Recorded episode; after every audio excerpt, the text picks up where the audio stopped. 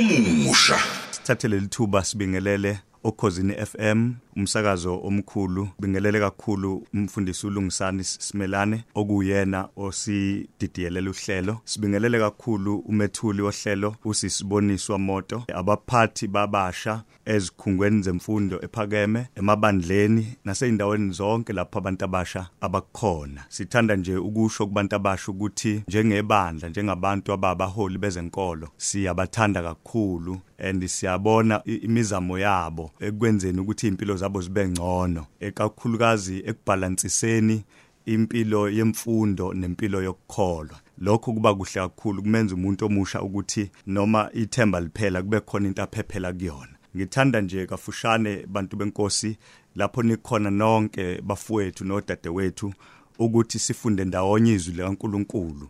Eh sizolithola lapha encwadini kaJobe. Isahluko esika 14 sizofunda nje ivesi elilodwa ivesi lika 7 eh lapho khona kufundeka kanje ngokuba kukhona ithemba emthini uma unqunywa ungabuye uhlume nehlumela lawo aliyi kuphela lelizwi bazalwane sifunde ngalo namhlanje silithola encwadini kaJobe okuyincwadi ebizwa ngokuthi incwadi yokuhlakanipha eBhayibhelini. Ngoba isambulela ngokuhlakanipha kaNkuluNkulu eveza uNkulunkulu ukuthi noma udlula esimene esibi kangakanani ngempilo kaJobe uyakwazi futhi ukuphinde futhi ayibuyisele impilo yakho ibe ngcono kunasekuqaleni. Nawo siyazi ukuthi ke iBhayibheli lonke likhuluma ngoJesu. Ayikho ingxenye noma isahluko eBhayibhelini esingakhulumi ngoJesu. Uma ke sibuka iTestament elidala lalivamile kakhulu ukukhuluma ngoJesu efihliwe kanti ngapha kwiTestament elisha khulunywa ngoJesu ambuliwe. Nawo ngifuna ukuthi sike sibukeke kuleli verse esilibhekile uJobe ephendula abahlobo bakhe abafikile ukuzomphendula noma ukuzomduduza emuva kokulahlekelwa ikona konke abekade nako lahlekelwe imfuyo walahlekelwa izisebenzi zakhe walahlekelwa abantwana ngokufa walahlekelwa ingcebo yonke abekade nayo. uJobe ngisho nonkosikazi wakhe besethi akathuka uNkulunkulu bese yafa.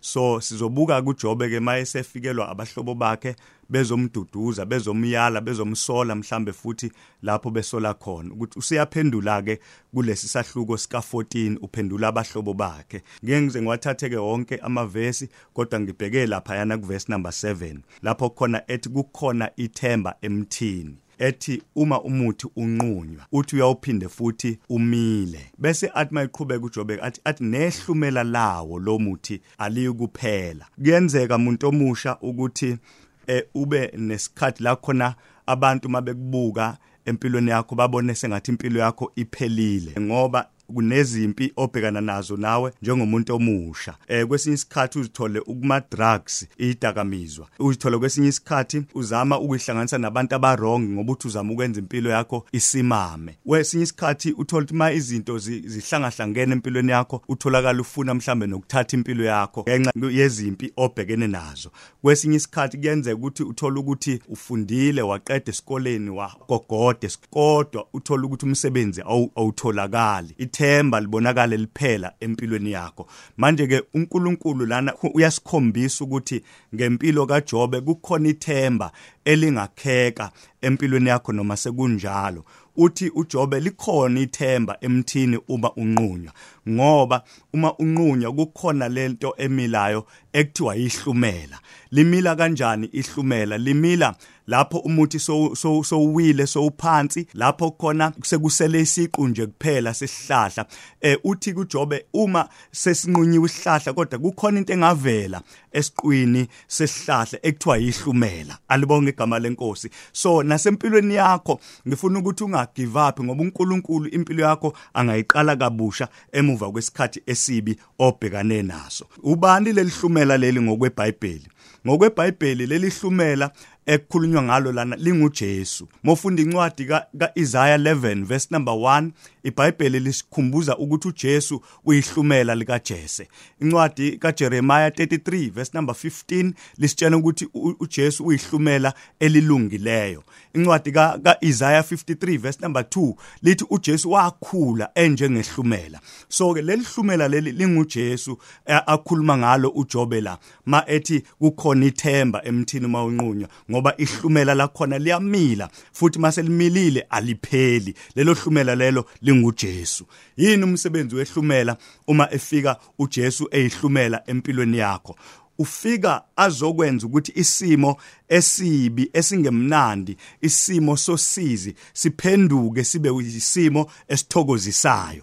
Awu uyambona uJesu ekhuluma lapha encwadini kaJohn chapter number 16 mawufunda verse number 20 kuya ku21 uthi mayikhuluma nabazalwane eh ababebasha behamba nabo behamba noJesu. Uthi eh uthi nina niyabalusizi nikhale izwe lona lobe lijabula litamasa.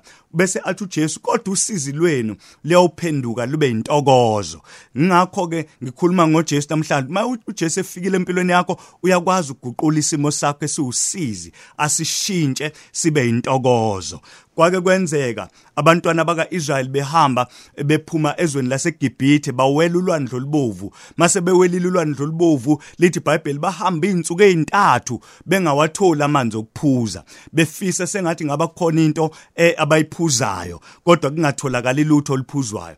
Ngiyacabanga ukuthi babekhuleka bethi inkosi sizwele sithole nathi amanzi okuphuza. Bathi mase bewathola amanzi endaweni ekuthiwa iSemara bathola amanzi ababayo angemnandi emlonyeni yabo. Kuyenzeka nawe njengomuntu omusha ube namaphupho ube nezifiso ube nemikhuleko ukuthi uNkulunkulu mangasangilekelele ngento ethile impilo yami izawushintsha. Uthi mawusufikile kulokho obokukhulekela uthola ukuthi kuyababa. Ukhulekela um-, umshado ukuthi uthole umshado olungile. Mosungene phakathi kona umshado uyababa. Ukhulekela ibhizinisi ukuthi uNkulunkulu akunikeze amathuba ebhizinisi. Uthi mosungene kulona liyababa. Ukhulekela icareer uthola umsebenzi. Uthi mosufikile emsebenzini kuyababa kwakunjalo ke labantwana baIsrael mabehamba ehlane befuna amanzi bathi mase bewathola bathola ukuthi amanzi abawatholile ayababa.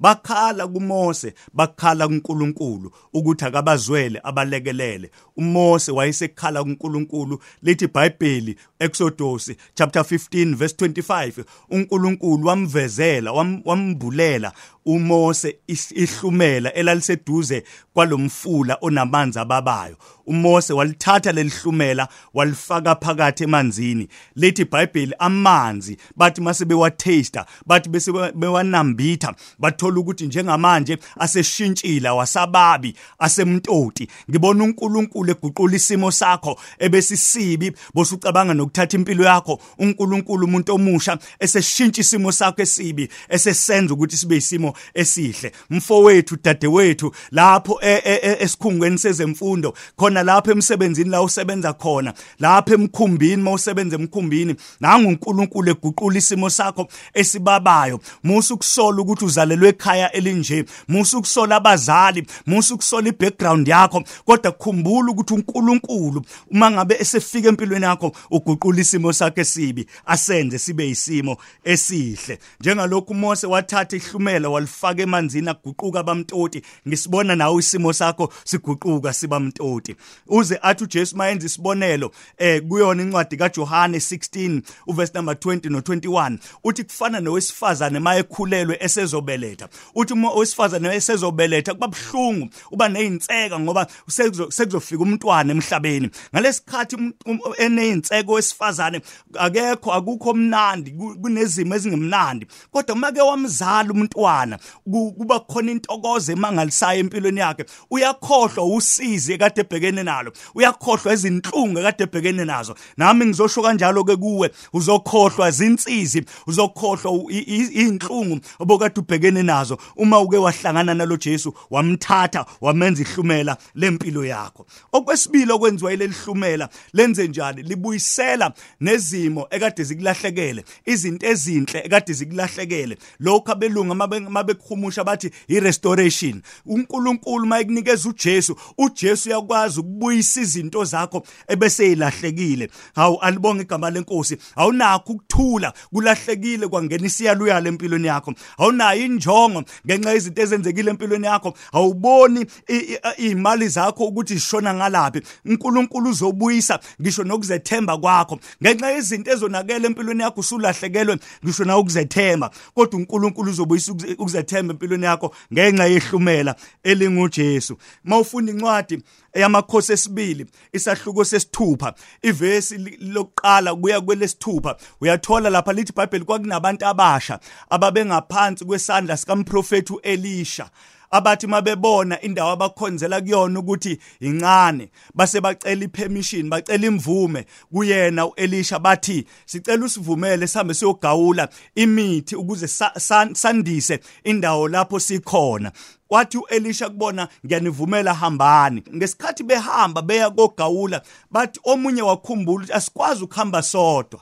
Sabantu abasha sinombono omuhle kodwa inkinga asikwazi ukuhamba sodwa siyamdinga umuntu omdala.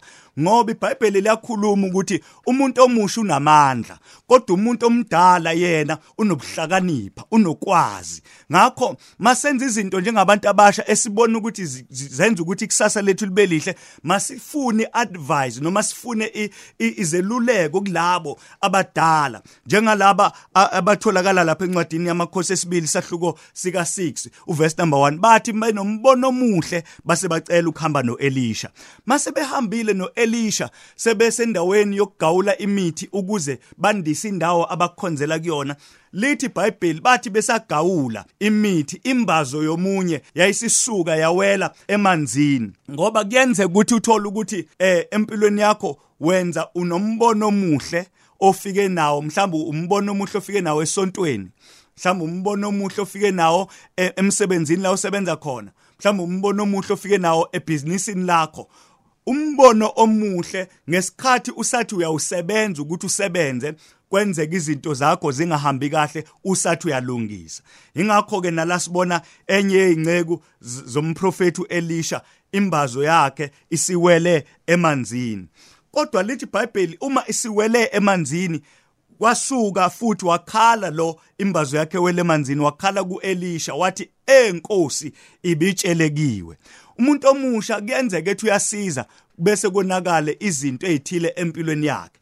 Kufanele makonakala izinto ezithile empilweni yakho ube nomuntu oseduze kwakho ozokwazi ukukhala kuye ngoba izinto izikhathe eziningi thina abantu abasha siye siqhele kulabo bantu abangakwazi ukusinikeza izeluleko ezinhle mase konakele. Abanye bafihle izinto eziyimonakalo abadlule kuzona ngoba bethi izobehlisa isithunzi. Abanye bethi befihle lezo zinto ngoba bethi mhlambe bazoxoshwe makubo. Kanti esikhathini sobunzima kufanele ube nomuntu ozokweluleka. Bakhala kuElisha wathi enkosi ibitshelekiwe. Wayeseyabuza umprofeti uElisha ukuthi eh njengoba ibitshelekiwe nje isiwile ke iwele kuphi? Inkinga nenkinga obhekana nayo njengomuntu omusha ungabo ungaboveza eh, eh inkinga ekungesiyona inkinga le wena obhekene nayo. Ngoba ufisa ukuthi kungabonakali kahle kahle ukuthi yini obhekene nayo. Khomba ngqo lapha inkinga yakho eyonakele khona. Ngoba noma kuthiwa uya kadokotela udokotela uyabuza ukuthi kubhlungu kuphi. Ngeke azakwelaphe unyawo uma kubhlungu ikhanda. Ngakho nawe uma ubhekana nenkinga endleleni yakho hambeni lakho njengomuntu omusha khomba lapho inkinga yakho uyonakele khona ukuze akulekelele lapho lo ozobe kulekelela. Wakhomba wathi wele lapha ya emanzini. Ake sibukeni ihlumela ke lisebenza eh la kule ndaba. Lithi iBhayibheli wathi mayekhomba umprofeti wasuka wayothatha eh ihlumela elalikade liseduze uthi lwehlumela waliphonsa emanzini lapho imbazo iwele khona. Lithi iBhayibheli imbazo insimbi iphansi ekujuleni kwamanzi yabonakala iphakama. Yilento ke ngikhuluma ngayo ukuthi ihlumela liletha ukubuyiswa kwezinto ezilahlekile yabonakala imbazo iphakama yabonakala imbazo isintanta phezulu kwamanzi. Okusho ukuthi ngamanye amagama leli hlumela leli liyakwazi ukubuyisa izinto zakho ebese ziwele phansi izinto zakho ebese zikude nawe izinto bose ugive uphile nawe walahla ithemba ngazo. Ihlumela liyithathe liyibuyisele kuwena. Bese lithi iBhayibheli uma seyintanta lembazo wathi umprofeti yithathe. Lo owayekade lahlekelwe imbazo wathatha imbazo yakhe eyayikade seyintanta emanzini ngenxa yehlumela. Leli hlumela leli linguJesu. Ngizoqinisekisa mntaka baba ngizoqinisekisa mfowethu ngizoqinisekisa dadewethu ngizoqinisekisa umuntu omusha ukuthi uJesu ubuyisa ngisho neminyaka yakho ebese idliwe isikhonyane uJesu ubuyisa ithemba lakho. uJesu ubuyisa injongo yempilo yakho. uJesu ubuyisa ngisho nendlela okade ukhuleka ngayo eqaleni eseyilahlwe izimo. Ubuyisa ngisho nokusebenza kwesiphiwo sakho ebese singasasebenzi ngenxa yezimo zempilo yakho. Ngiyamthanda uDavide encwadini yamahubo 126 uverse number 1 uthi mhla uNkulunkulu abuyisa ukuthunjwa kwethu sasinjengabaphuphayo ngibona uNkulunkulu ebuyisa izinto ebese ilahlekile empilweni yakho. Uzokubuyisela ithemba kuwena uzobuyisela amandla obawukade uhamba nawo ngoba wena umuntu omusha unamandla ngoba iBhayibheli liyasho ukuthi umuntu omusha unamandla kodwa ngenxa yezimo aye alahleka amandla akho. Ngifuna ukuthi sesothandaza nawe muntu kaNkuluNkulu sesothandaza nawe umuntu omusha ungalilahli ithemba ukhona uJesu obuyisa izinto ebese ilahlekile. Angazi noma singakhuleka yini nawe ulapho khona. Asike sikhuleke nje umzuzwana ngibona izinto zakho ibuya ngibona amandla akho ebuya ngibona injongo yakho ibuya ngibona izimali zakho ibuya ibhizinisi lakho libuya ukuzethemba kwakho kubuya ngibona amandla okade wacabanga ukuthi ngeke asabuya esebuyela kuwena asike sikhuleke okomzuzwana.